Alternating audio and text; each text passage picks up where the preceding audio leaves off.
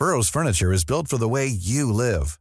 From ensuring easy assembly and disassembly to honoring highly requested new colors for their award-winning seating, they always have their customers in mind. Their modular seating is made out of durable materials to last and grow with you. And with Burrow, you always get fast, free shipping.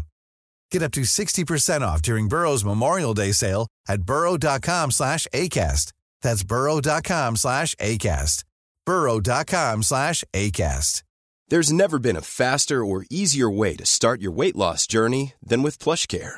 PlushCare accepts most insurance plans and gives you online access to board-certified physicians who can prescribe FDA-approved weight loss medications like Wigovi and Zepbound for those who qualify.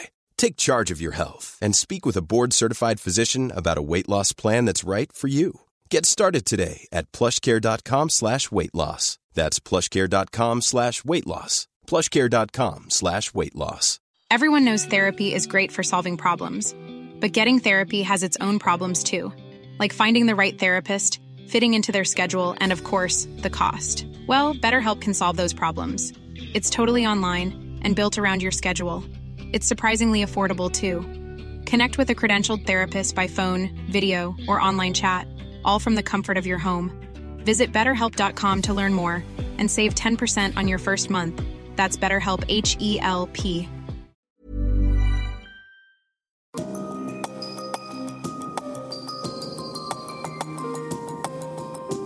Du lytter til podkast fra Oslo Militære Samfunn. Besøk vår hjemmeside oslomildsamfunn.no, og se oss også på Facebook, Twitter og LinkedIn. Aftenens foredragsholder så vi jo på helserunden kjenner mange av oss fra før. Tidligere ambassadør Kai Eide. Norsk ambassadør til OSSE fra 1998 til 2002. Til Nato fra 2002 til 2006. Før det FNs spesialrådgiver i Bosnia i 1997. Han har vært FNs spesialutsending til, til Afghanistan 2008-2010 og avsluttet karrieren som ambassadør i Stockholm. Eide har vært i Afghanistan igjen. Det er en region og et tema han har solid bakgrunn for egne vurderinger, analyser og oppfatninger om. Så jeg er veldig spent på hva du har å fortelle oss her i kveld. Ambassadør, talerstolen er din. Sånn, nå er det gjort. Det var det ene lille jeg skulle huske ikke sant, før jeg begynte. Formann, medlemmer av Oslo Militære Samfunn. Det er en, og kjære venner, det er en stor glede å være her igjen. Jeg må jo si da at uh, i dag så er ikke energien min helt på topp. Det er mange andre som har det samme problemet som jeg har på denne tiden av året. Men viljen er der, og viljen er sterk. Så jeg håper det skal gå bra likevel. Og så ser dere, dette her er da, Man blir alltid spurt skal du ha powerpoint-presentasjon. Ja, og her har dere min. Relativt enkel. Men jeg gjorde det slik bare sånn at vi vet hva vi holder og hvor vi er når vi snakker oss gjennom dette. Det er, det, er, det er, alltid hyggelig å være her. Det er klart det er stas å være her. Når jeg ser tilbake når jeg har vært her, så har det hatt å gjøre med Nato, det har hatt å gjøre med krigen på Balkan, det har hatt å gjøre med Afghanistan. Jeg vet ikke om jeg noen gang har hatt noe særlig oppmuntrende budskap å gi. Og det gjør meg vondt. Men jeg er redd for at vi kommer til å skilles her i kveld også. i samme situasjon, Uten noe spesielt oppmuntrende budskap. Men jeg håper én ting, formann, og det er at skulle jeg en gang ha et oppmuntrende budskap på mine eldre dager, at jeg kan få lov å ringe og si når jeg gjerne kommer tilbake, og kompensere for all den misere jeg har spredd her tidligere. Jeg var i Kabul nå for er det blitt fem-seks uker siden. Det var fire år siden. Så lenge har det aldri vært mellom noe besøk. Første gang jeg kom var i 2003. Da spaserte jeg husker jeg, nedover gatene. Det var en politimann her og der. Han sto og regulerte trafikken. Jeg spaserte nedover gatene og fra kontor hjem til gjestebolig og tilbake. Dag etter dag, ned gjennom handleområdene osv. Ja, hadde, hadde jeg visst hvordan skulle, Hadde jeg, noen fortalt meg hvordan det skulle bli Dette var i 2003. altså 14 år seinere hadde jeg vel ikke trodd det var mulig. Og heller ikke da jeg var der i 2008-2010, trodde jeg at det skulle bli slik det var nå. Og Det er trist å komme inn med bil i Kabul sentrum og se disse enorme betongmurene. Eh, før så var det liksom to-to og en halv meter høye. Nå var det blitt fem meter, fem meter høye betongmurer. Det betyr at i store deler av sentrum så ser du ikke bygningene som er på andre siden. Jeg mener at jeg kjenner byen ganske godt. I hvert fall sentrum. Men når jeg kjørte gjennom byen nå og måtte spørre de som tok seg av meg Hvor er vi nå? Hvor i all verden er vi? Uh, hvilken gate er dette? Ja, da har det skjedd noe, ikke først og fremst med meg, men det har skjedd noe med byen.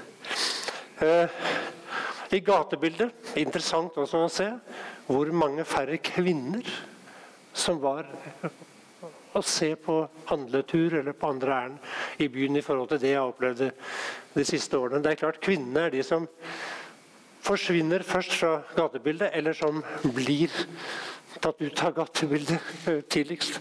Og det så man ganske tydelig tegn på nå. Og så da når du sitter hos ditt vertskap i hagen, afghanske vertskap, og så hører du hele tiden helikoptre over byen. Store og små, store og små. Hele tiden. Kontinuerlig hele dagen. Og hva er det for noe? Hva er det for noe nytt? Det var ikke sånn før. Nei, det er fordi amerikanerne bruker ikke landevei lenger. Bruker ikke veien. Bruker bare uh, transport via, via lufta. Uh, bortsett fra selvfølgelig de få turene man må gjøre fra ambassade til regjeringskontor så er det lufta som brukes. Eh, og det er klart det, Alt sammen reflekterer jo hva som har skjedd. Jeg kunne ikke dy meg, selvfølgelig. Jeg har flere grunner. Eh, men jeg måtte ned i handlegata, som heter Chicken Street. Uh, hvor de kan få kjøpt afrikanske møbler, tepper osv. osv. Lapis, uh, gjenstander som jo Afghanistan er kjent for. Jeg måtte bare ned, og jeg spurte sikkerhetsfolkene jeg hadde er det ok. Det er klart det er ok.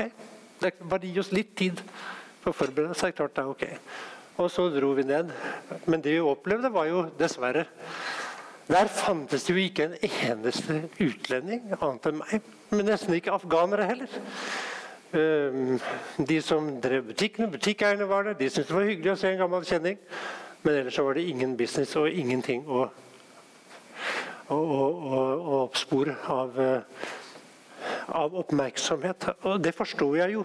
Men jeg sier at I den situasjonen vi er i nå, så er det ikke så spesielt farlig å dra dit. Det fins ingen der. ikke sant?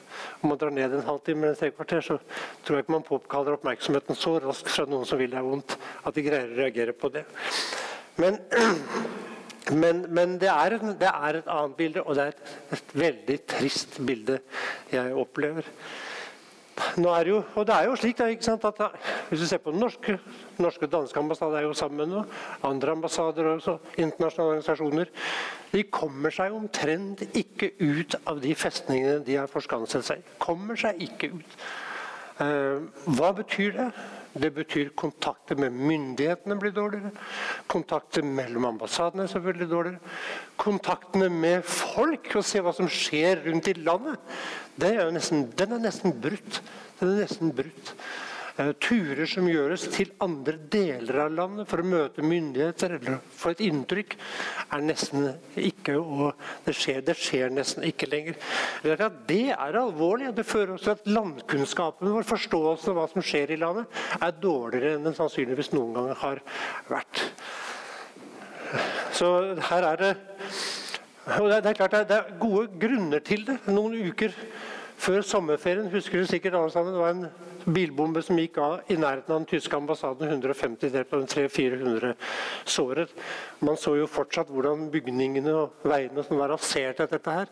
De kunne jo ha gått mye verre. Vedkommende ble stoppet ved en sperring og, og utløste bomben fordi han skjønte at han kom til å bli stoppa. Ikke kom videre. Sånn har det vært, det ene etter det andre. Mai, juni, juli, august, september, oktober og november. Med angrep mot hovedsakelig sivile mål. Ikke mot militære mål, ikke mot ambassader, men mot sivile mål. Inkludert moskeer. Inkludert moskeer. Og når angrepene kommer fra Shia, mot Shia-moskeer, kan du være ganske sikker på at det er IS, eller Daesh som de kaller det, som står for angrepene. Og det vi jo ser på media, det er jo det som skjer i Kabul. Det formidles ikke til oss hva som skjer i Helman, hva skjer i Faryab, eh, Kunduz osv. Hvis det ikke er helt spesielle ting. Uh, og det er sjeldenheten at vi får noe sånt.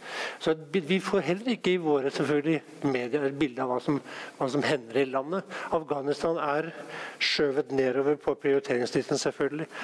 Uh, I forhold til Irak, Syria og iblant enkelte andre deler, sånn som nå den siste, siste nyheten om, om, Libya de siste ukene. Og, men det er et par ting jeg har lyst til å peke på. For det første IS etablerte seg altså i Afghanistan i september 2015. Det er vel det første området de, utenfor større Midtøsten hvor de etablerer seg på denne måten.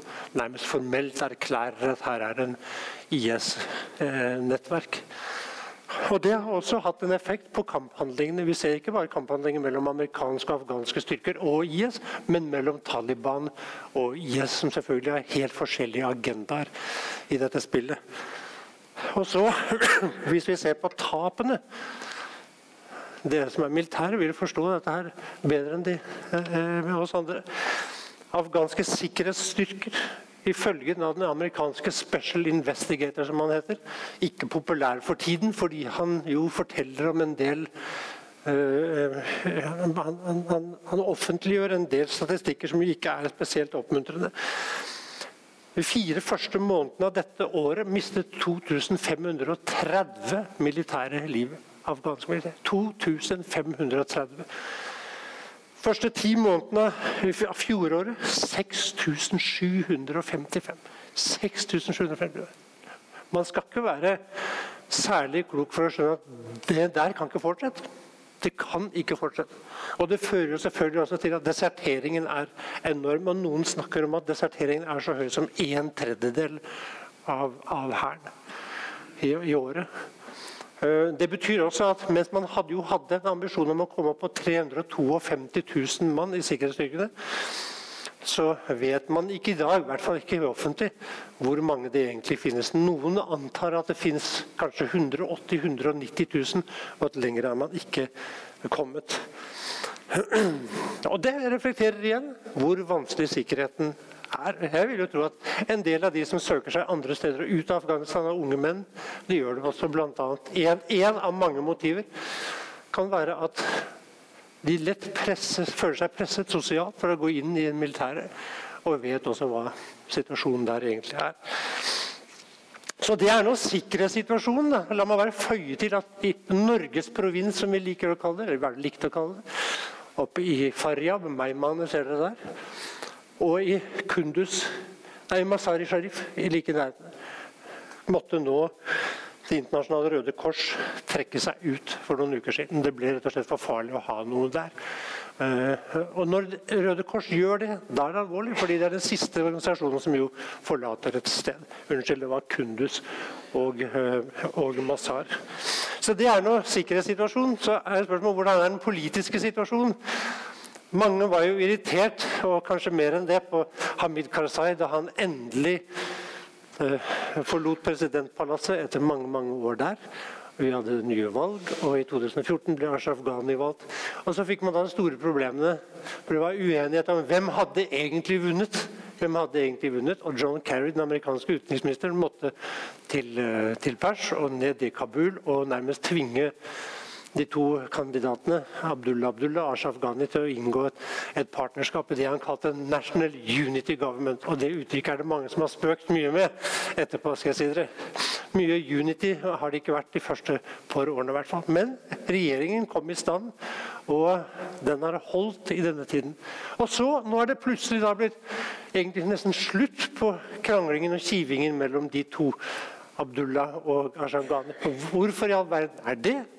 Jo, det er sannsynligvis fordi Abdullah Abdullah har mistet støtten han hadde blant de andre på hans side av det afghanske politiske landskapet. Han er ikke lenger så viktig, han er ikke lenger hovedmannen eller hovedaktøren. Det er det helt andre som har tatt over den jobben.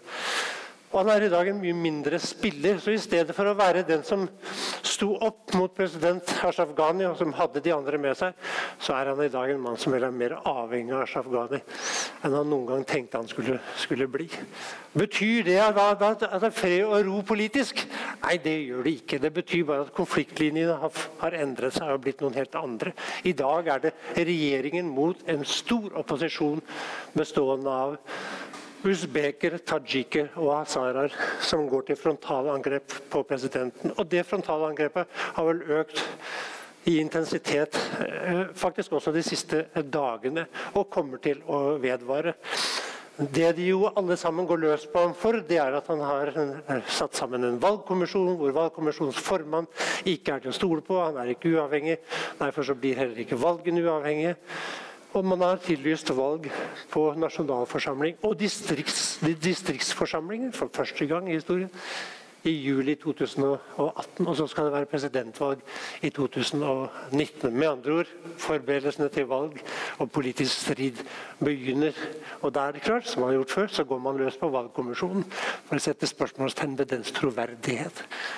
Det fortsetter, og der sier opposisjonen at nå må du enten må du gjøre det med valgkommisjonen, eller så må vi få en interimsregjering hvor vi alle er med. Med andre ord, Man detroniserer ham på en måte og gjør, gir ham et dårligere utgangspunkt for å bli gjenvalgt. Eller må vi finne eller så kommer det til å bli storkonflikt, politisk konflikt i dette landet. Så der står man. Ashraf Ghani forsøker å reagere på det. Det er ikke lett. Den som står utenfor dette spillet, det er jo Hamid Karzai. Hvorfor det? Fordi verken han selv eller de andre i opposisjonen har lyst til å ha han med. De andre har ikke lyst til å ha han med fordi han blir for dominerende. Han tar all oppmerksomhet. Og Dessuten så ønsker opposisjonen også å komme i dialog med amerikanerne. Og med Karzai om bord så er det veldig veldig, veldig vanskelig. Karzai syns dette er helt ok. Han kan komme med sine egne forslag, litt mer utrerte, litt mer ekstreme enn det opposisjonen for øvrig kan. Og det gjør han også. Nylig med at nå var den eneste måten å løse problemene å innkalle en, en tradisjonell loya jirga, som heter. En storforsamling av de eldste i samfunnet som kunne løse problemene og bringe landet videre. Og det er klart, Da ville han fremstå som, igjen som landsfaderen som brakte landet videre. Der står man, da. Det er en politisk storkonflikt som nok er under oppseiling i landet. Og ikke uventet rundt alt som har å gjøre med valgprosessen videre å gjøre. Um, og dette, Vi har opplevd det før, i 2014, vi opplevde det i 2009. Men enda mer intenst virker det som det skal bli nå i tida framover. Jeg ber om unnskyldning.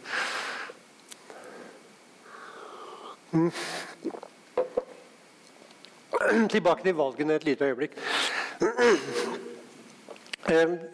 Dette er klart Som jeg sa, dette med, dette med valgkommisjonens sammensetning det er alltid et stort problem. Hvis du kan sette spørsmålstegn ved troverdigheten til formannen eller noen av de andre deltakerne, ja, da, da sier du egentlig Hvis det blir valg nå, så vet ikke jeg om jeg vil stole på det resultatet som kommer. Jeg vet heller ikke om jeg vil godta det. Med andre Du varsler på forhånd at jeg kan komme til å, å, å, å sette spørsmålstegn ved betvile resultatet. Ja, det er en alvorlig situasjon å komme i eh, såpass tidlig som man nå er, og uten noen tydelig tegn på å finne en løsning. Men så må jeg si Valgene skal altså være i juli 2018. Jeg har sjøl ledet en sånn valgprosess i 2008 og 2009. Og det må jeg si sju, sju måneder igjen, det er kort tid. Det er kort tid. Du skal gjennom en prosess hvor kandidatene skal avansere seg. De skal aksepteres. De skal gå gjennom sånn wetting process, som det heter. Når de har gjort det, så skal det begynne valgkamp. Valgmateriale skal trykkes, det skal ut.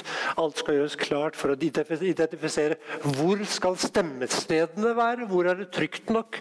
Kan vi finne stemmesteder som gjør at det faktisk blir skikkelig troverdige valg rundt omkring i hele landet? Hvordan gjør vi da med sikkerheten? Hvor mange må vi deployere her og der og til de ulike mange hundre stemmestedene du skal ha? Det er en lang og komplisert prosess. Lang og komplisert. Og ikke bare skal planleggingen gjøres altså, Men så skal alt sammen utplasseres. De siste ukene før valget finner sted. Eh, I dag er det mange som tviler på at det er mulig. Jeg vil ikke stå her og si at det ikke er mulig, men jeg våger heller ikke å si at det kommer til å finne sted. At det kommer til å finne sted. Jeg tror man befinner seg i en situasjon hvor veldig snart må, vil man se om, om det ikke allerede er er for sent. Mange mener det, men ingen ansvarlige våger selvfølgelig å si det offentlig. Det øyeblikk noen går ut og sier valget er ikke mulig, ja, da går tempoet ned ganske dramatisk allerede. Så da blir det ikke mulig. Um, og Dersom man ikke får valg i 2018, så må man skyve alt sammen til 2019. og Det betyr at du får en nasjonalforsamling uten mandat fra folket i over et år, og så videre og så videre. Med andre ord, hele det politiske systemet stilles det spørsmålstegn ved. Store dilemmaer. Så Det var det sikkerhetsmessige, og så var det det politiske. Og så man, kan man spørre jo, men skjer det ingenting Eide, som er positivt her, da? Jo, det, det, gjør det. Jeg må si Ashraf Ghani har våget noe som jo Karzai aldri har våget. Han har satt i gang en omfattende reformprosess av statsadministrasjonen. Eh, det er ikke dårlig. Forsvarsdepartementet har han gått løs på. Han har også redusert antallet generaler i en, en, en, høyt fremskredende alder, for å si det slik, eh, og tatt dem ut av aktiv tjeneste. Det var nok riktig, og det burde ha skjedd for betydelig tid siden. Han har gjort andre grep også innenfor Forsvarsdepartementet og Forsvaret. Innenfor Innenriksdepartementet, som jo egentlig var ganske korrupt og ganske råttent, der har man uh, gått inn og med hår hånd sett på hva har vi egentlig av politi vi kan stole på. Hva har vi egentlig? Og funnet at antallet såkalte spøkelsespoliti, eller ghost policemen, er stort. Antallet spøkelsespolitistasjoner er stort. Og de man har, er jo ofte ikke, eh, ikke, folk som først og fremst tjener sentralmaktene og lov og ordens tjeneste. Så der skjer det noe. Og det skjer noe på andre ministerier. La meg bare nevne ett som jeg er veldig opptatt av. og Det er utdanning, skole- og utdanningsministeriet. Ehm, der har man jo gått inn virkelig for fullt for å se også hvor mange barn er egentlig i skole. Eh, amerikanere og vi europeiske Hva skal jeg si? Ehm, vi europeiske regjeringer som har en tendens til å kopiere det som kommer der borte fra. Eh, vi har jo hevdet lenge at, var, at vi har mellom 10 og 11 millioner barn i skole.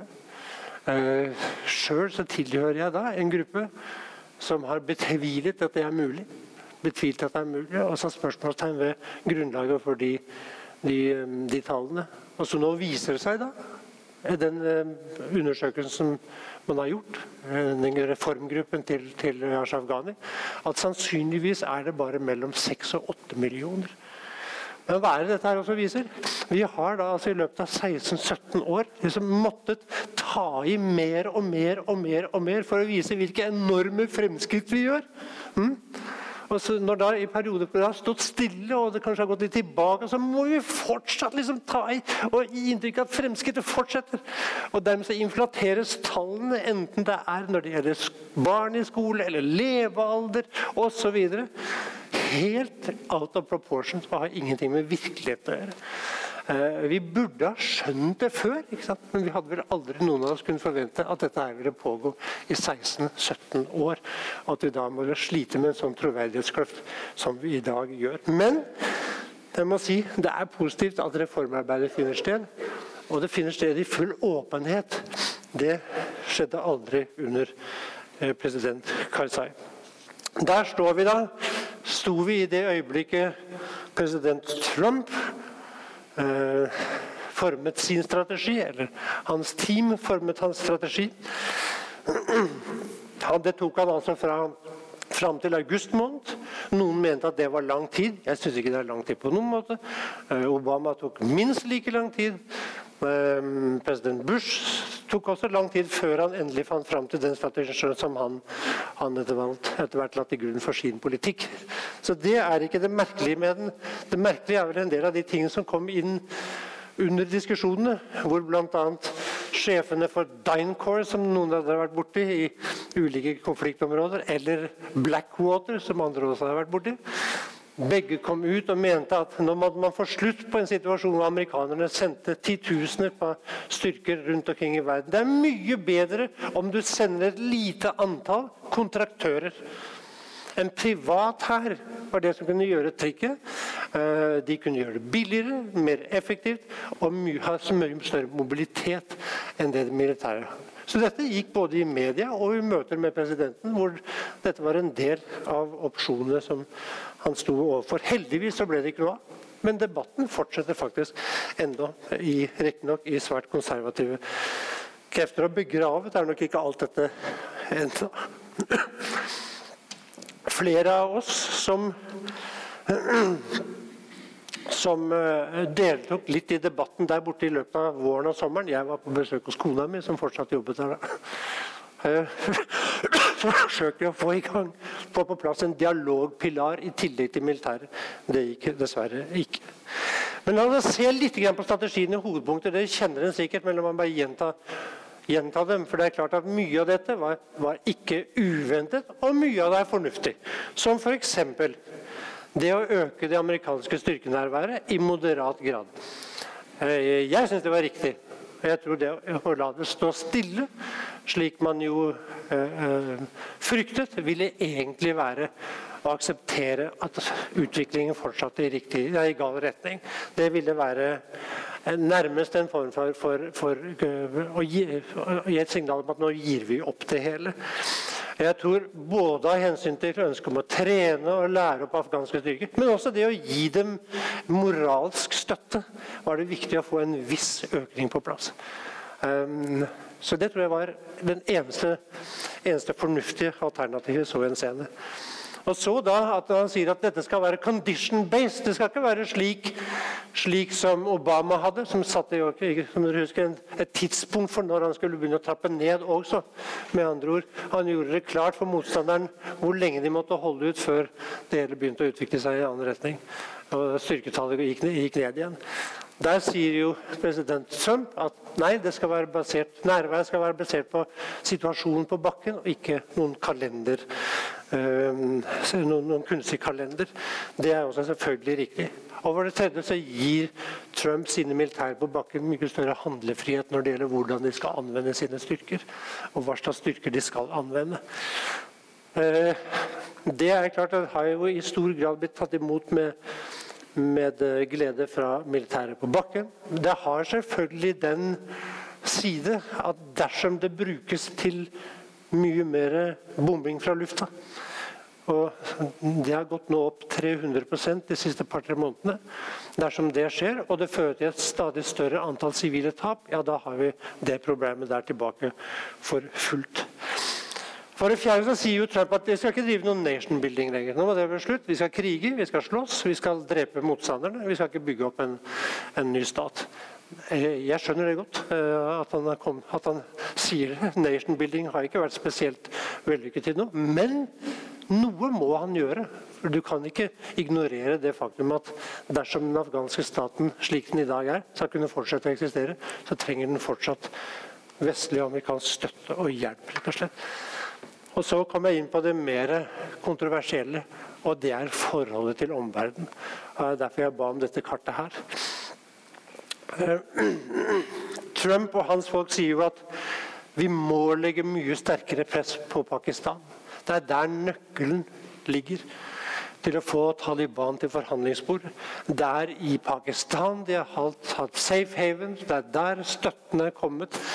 Det er der de har kunnet hvile før de eventuelt da gikk inn i, landet i Afghanistan til nye angrep. Der man må få fristedene eh, vekk fra Pakistans territorium. Og unnskyld, amerikanere har jo vært veldig harde i sin omtale av Pakistan eh, for å få dette her eh, til. Så er det selvfølgelig spørsmålet ja, hvor avhengig er egentlig Taliban i dag av Pakistan? Hvis du har mer eller mindre kontroll over 40-45% av territoriet i Afghanistan, der er avhengigheten av Pakistans territorium mindre. Dersom du får stadig større inntekter fra opiumsproduksjon, og den har vokst stadig fra 2010 og utover, da er du også mindre avhengig av økonomisk støtte og hjelp fra, fra andre. Som mange mener i dag at Taliban ikke har det samme behovet lenger for Pakistans territorium og støtte som det det tidligere har hatt. One size fits all seems like a good idea for clothes until you try them on. Same goes for healthcare. That's why United Healthcare offers flexible, budget friendly coverage for medical, vision, dental, and more. Learn more at uh1.com. Ready to pop the question? The jewelers at Bluenile.com have got sparkle down to a science with beautiful lab grown diamonds worthy of your most brilliant moments. Their lab grown diamonds are independently graded and guaranteed identical to natural diamonds, and they're ready to ship to your door. Go to Bluenile.com and use promo code LISTEN to get $50 off your purchase of $500 or more. That's code LISTEN at Bluenile.com for $50 off. Bluenile.com code LISTEN. Så må man jo da være forberedt på på amerikansk side at hvis du først legger press på Pakistan, og pakistanerne yter motstand, eh, så må du bestemme deg. Du må ha bestemt deg på forhånd. Hvis det skjer, er jeg villig til å gå videre, til å presse videre, eller gir jeg meg da? Mm? Hvis du først går inn på den linjen, så må den være troverdig. Og Der syns jeg altså både FN-ambassadøren Nick Haley og utenriksminister Tillerson offentlig har uttalt seg på en måte som er veldig uheldig. Hvor begge, og særlig Nick Haley, sier vi trenger hjelp av India for å se hva som hender. For å holde et øye med Pakistan. For å holde et øye med Pakistan. Med andre ord, hun går rett inn i det mest sensitive, eksistensielle forhold pakistansk politikk preges av. Forholdet til India. Forholdet til India. Og Det er jo ikke hvem som helst det dreier seg om. Det dreier seg om én atommakt og en annen. I tillegg så er jo pakistansk opinion potensielt Det skal lite til for å tenne antiamerikansk gnist i en slik opinion. Amerikanere tror jeg er, virker ikke i dag helt klar over hvor sterke begrensninger de har på seg i denne sammenhengen. Så i Kabul så, så er si, entusiasmen, entusiasmen, over den nye amerikanske strategien stor. Stor. Ikke minst i presidentpalasset. Eh, jeg var der hos den nye presidenten i tre kvarter. Han har ikke vært så, ikke så ny lenger. Et kvarter, og hørte på han, og jeg ble slått av hvordan han føler at nå har han Trumps støtte. Og han har et spesielt forhold til Trump som ingen annen har. Mm. Um, jeg ser noen reaksjoner. Uh, og dette er viktig, og dette må man bygge videre på. Jeg må si Man kan ikke klandre afghanske toppolitikere for å være glad for å ha fått de beslutninger de har hatt. Men man skal ikke trekke dem for langt. Jeg må, si at Med det nabolaget du har her, så skal du være litt varsom hvor langt du går i din holdning, i din positive omfattelse av Trump-administrasjonen. Med Pakistan, som du er avhengig av. Om ikke for å levere Taliban, for det kan de ikke, så i hvert fall unngå at det blir spoilere i en ny eventuell forhandlingsprosess. Unngå at det blir spoilere. Det må jo være i hvert fall minstemålet av det vi må ta sikte på. På den andre siden Iran. Iran har opp gjennom åra alltid spilt en viktig rolle i Afghanistan. Og har stor innflytelse økonomisk, politisk, religiøst, kulturelt. Og kan når som helst gjøre den innflytelsen følt i Afghanistan. Og det er klart, Iran og USA, så Trump-administrasjonen, er ikke det mest populære i Teheran. Ikke det mest populære. Etter at Trump har truffet den beslutningen han har når det gjelder atomavtalen med Iran, og etter sanksjoner som jo lempes på iranske myndigheter. Så her, man, her må man finne en balanse. Og iranerne husker godt at de sjøl hjalp til for å få Hamid Karzai-regjeringen for første gang på plass i 2001. Slutten av 2001, desember 2001. Da hjalp det til å være en helt avgjørende spiller for at den samlingsregjeringen kunne ta form. Så gikk det et par måneder før uh, president Bush Jeg tror det var i State of the Union Address i januar, hvor han jo kaller Iran, benevner Iran som del av ondskapens akse. Og så gikk inn i et langt kjøligere forhold til Teheran. Det glemmer ikke iranerne sånn over natten. De har lengre hukommelse enn de fleste. Um, Iran i dag si, spiller ingen negativ rolle, så vidt jeg kan se. Tvert om. Det er synd at det ikke, det ikke går litt lenger ned. For det dere ville ha sett, er jo her nede ligger jo havet. Og havne store iranske havneanleggene. Og det Iran har gjort nå nylig, er å åpne opp en av disse store havneanleggene. Bygge det ut, slik at de nå kan ta, eh, kan ta frakt fra India direkte til Iran, som så går med båt inn i Afghanistan. Med andre ord man omgår Pakistan. Man omgår Pakistan. Det anses selvfølgelig i Afghanistan som en stor strategisk seier. Nå går det store kornforsendelser inn, og andre ting kommer også til å gå der etter hvert. Så her pågår det veldig viktig et regionalt spill som man må ha klart for seg, og som også må ha en effekt på hvordan afghanerne ordner seg. Så hører man ikke sant, iblant rykter om at Iran bidrar med støtte til Taliban. Jeg har hørt sånne rykter helt fra 2008. Da kom det fra Washington. Eh, jeg har stor tvil om det medfører riktighet. Nå kommer de, tror jeg, i den overopphetede propagandakrigen som finner sted i hele Golfområdet mellom Saudi-Arabia og dets allierte og Iran og andre spillere. det er ganske utrolig. Vi snakker om fake news. Men gå inn og se hva dere finner på nettet nå. Fra, fra saudiske eh, Saudi-kilder eller andre kilder i området, så vil dere se hvordan denne propagandakrigen eh, hvor, hvor intens den egentlig er. Til slutt, Jeg må nevne Russland, selvfølgelig. Russland syns ikke her. Men ligger jo selvfølgelig rett nord for de områdene vi ser her i Sentral-Asia. Uh, russerne er også blitt mer aktive i området den siste tiden. Og den amerikanske, unnskyld, afghanske nasjonale sikkerhetsrådgiveren var i Moskva for to dager siden og ba russerne om hjelp for å få i gang fredsforhandlinger. Det kan jeg tenke meg at man i Washington satte stor pris på. Etter at det der også, der også er kommet nye sett med, med, med uh, sanksjoner. Det må jo være merkelig for russerne å oppleve dette her. ikke sant? Jeg vet at det var for, for noen uker siden så var det en samling med vestlige politikere og forskere som tok imot en, som diskuterte med en russisk forsker, som også sier at som sa at vel, nå ber dere oss om hjelp. Nå ber dere oss om hjelp i Afghanistan, dere ber oss om hjelp her og der osv. På ulike konfliktområder i verden.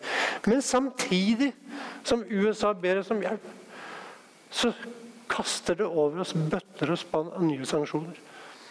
Nå må vi skjønne at Det skaper ikke det helt ideelle den helt ideelle atmosfæren for å få den hjelpen som dere ønsker, og som dere kanskje vi har mulighet for å gi. Russerne er, er mer med i spillet nå. Og hvorfor det?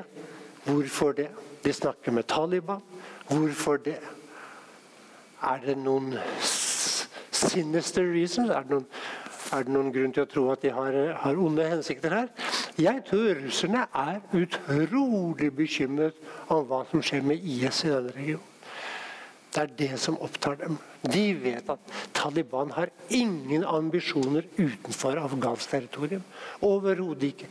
Men IS tilføyer for regionen et helt nytt element. Et helt nytt element som de må være bekymret for. Også fordi en del av rekrutteringen kommer jo fra disse sentralasiatiske landene. En blanding, men en del av rekrutteringen kommer derfra. Og de opererer ikke minst her oppe i oppe i nord. Eh, øst og nord. Jalalabad, som dere ser der, Tora Bora. Og oppover langs grenseområdene i, i nord, hvor de har sine hovedaktiviteter. Det har selvfølgelig skapt en helt ny situasjon også for russerne. Og for Iran. som de må ta hensyn til. Så jeg forstår godt at russerne har sine syn på dette her. Som dere ser, så er det et, et komplisert politisk bilde. Og det har blitt mer og mer komplisert for hvert eneste år som er gått. Helt til slutt. Helt til slutt. Jeg har ikke snakket noe om fredsprosesser, som egentlig er det som opptar meg um, kanskje mest her. Uh, hvordan i all verden kan vi få det i gang? Uh, jeg mener at den holdningen som afghanske myndigheter i dag har til det, ikke kommer til å føre fram. Og Den går på at Pakistan som enhet skal levere Taliban. Forholdet mellom Pakistan og Taliban er mye mer sammensatt og mye mer komplisert enn det vi lett kan få eh, inntrykk av. Og, Taliban vil ha seg frabedt å bli levert på noen måte av, av Pakistan. Eh, det, det, var et møte, et par-tre møter i slutten av 2015 som pakistanerne skulle ta ansvar for å arrangere med Afghanistan, Kina og USA på pakistansk jord, og hvor de til første møte brakte inn Taliban-representanter. Jeg kjente dem. Jeg, jeg så navnet og tenkte jeg, ah, der dukker de opp igjen. Tenkte, der dukker de opp igjen. Jeg hadde møtt dem sjøl. Hvem var det? Jo, det var pakistanske støttespillere. Det var folk som innenfor Taliban-bevegelsen, riktignok, men som pakistanerne hadde full kontroll over. Og som ikke var eh, representanter med mandat fra ledelsen. De med mandat fra ledelsen de sitter i et kontor i Doha, eh, som ble opprettet for noen år siden. Eh, der sitter det 10-15 stykker. Vi har hatt besøk av dem her i Norge flere ganger. Det er til og med små ting om det i avisa. Og, og, forsøkt å få dem i tale. Um, det er en gruppe som etter min mening, og jeg tror etter jeg tror det er et syn som deles av andre som har vært i kontakt med dem, som har en direkte kontakt med Taliban-ledelsen innenfor pakistansk område, eller der de måtte befinne seg til enhver tid. Og det er altså en, en, en gruppe som genuint har forsøkt å uh, bringe en, eller annen form for prosess videre. Men det er klart, en situasjon vi har vært her, med stopp, go, stopp, go, stopp, go, så nytter det ikke å komme noen, noen vei.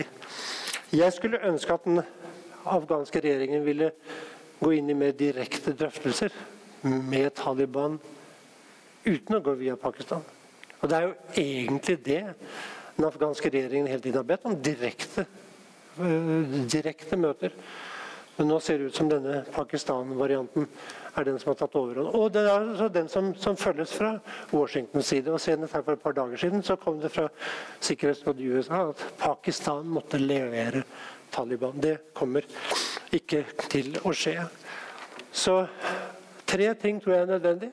Det ene er man må skjønne at Taliban ikke kommer til å komme via Pakistan. Punkt to amerikanerne må akseptere at de har en større rolle å spille i en fredsprosess. De kan ikke bare sit back. De er egentlig en, de er en part i konflikten blitt. Du kan ikke ha 100 000 mann inne i flere år og si at de ikke er part av konflikten. Det går ikke. Det er ikke troverdig. Um, så tror jeg man må lære seg noe som vi jo ser lykkes i en mye enklere prosess, riktignok, men Colombia-prosessen. Colombia-prosessen er, er vellykket, men det er en mye enklere arkitektur. Eh, men det de jo gjorde partene der, det var de tidde stille om hva de drev med i flere år. Media visste ikke om det. Det var full fortrolighet, som jo gjorde det mulig for begge parter å fortelle sitt narrativ til sine egne. Og det er viktig for å få en prosess i gang. Så jeg må si, i samtaler både i Washington og i i Kabul, så følte jeg ja, amerikanerne har nå én pilar på plass. Men noen amerikanere tror jeg også skjønner at vi trenger en pilar til, og det er forhandlingspilaren. Hvis de ikke får den på plass, så er, blir dette bare en holding operation og ikke noe mer. Og det kommer ikke til å gi oss det gjennombruddet vi søker. Så tror jeg nok de fleste fortsatt mener at vel, vi får presse dem militært litt til til de blir svakere. Og så får vi se under hvilke omstendigheter vi kan få dem til forhandlingsbordet. Det er jo ikke slik at Taliban er blitt svakere da, gjennom de siste årene. Det er vel kanskje nøyaktig det motsatte. Og noen som sa til meg før vi begynte Hva er lærdommene våre? Var det, var dere råd? Nei, jeg husker ikke. Eh, hva er lærdommene våre egentlig fra dette her? Tre lærdommer som jeg tror er helt Vi kan jo ikke komme rundt på noen som helst måte. Det ene er den overdrevne troen på militær makt. Den overdrevne troen på at militære styrker kan gi den endelige løsningen. Det må vi nå ha lært både fra Afghanistan og andre steder. Det er ikke, det er ikke der det ligger. Og jeg må si det, Blant dere som er militære her, vet dette bedre enn alle andre. Det andre som jeg syns er viktig å få etablert som en lærdom også, det er at disse enormt ambisiøse nasjonsbyggingsprosjektene som vi har lagt ut på i Afghanistan, Irak til, og andre steder det går ikke. Vi har ikke ressurser, verken når det gjelder penger eller mennesker, som kan gjennomføre slike prosjekter. Når jeg sier 'vi', så mener jeg hele det internasjonale samfunnet. Det blir for stort. For vi mangler også den andre viktige og enda mer grunnleggende elementet, som er kultur og nasjonsforståelse av hvor vi er. Når vi mangler både forståelsen og ressursene, da er det selvfølgelig gitt at det ikke lykkes.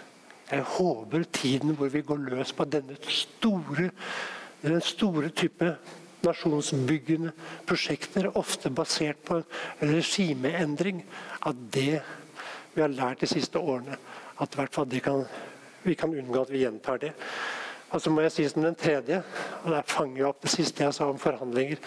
Vi må, når vi går inn i en konflikt, må vi forstå at de aller fleste finner en politisk løsning. Og det må vi ha for oss allerede fra starten.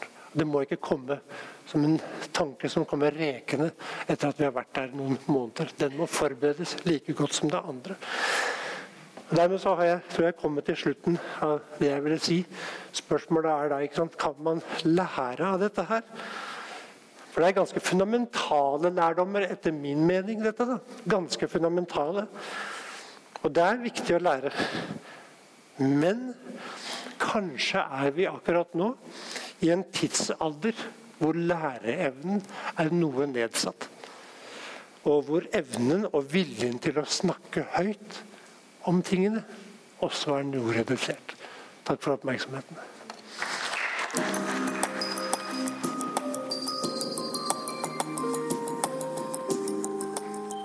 Du har hørt podkast fra Oslo Militære Samfunn. Besøk vår hjemmeside oslomildsamfunn.no, og besøk oss gjerne på sosiale medier som Facebook, Twitter og LinkedIn.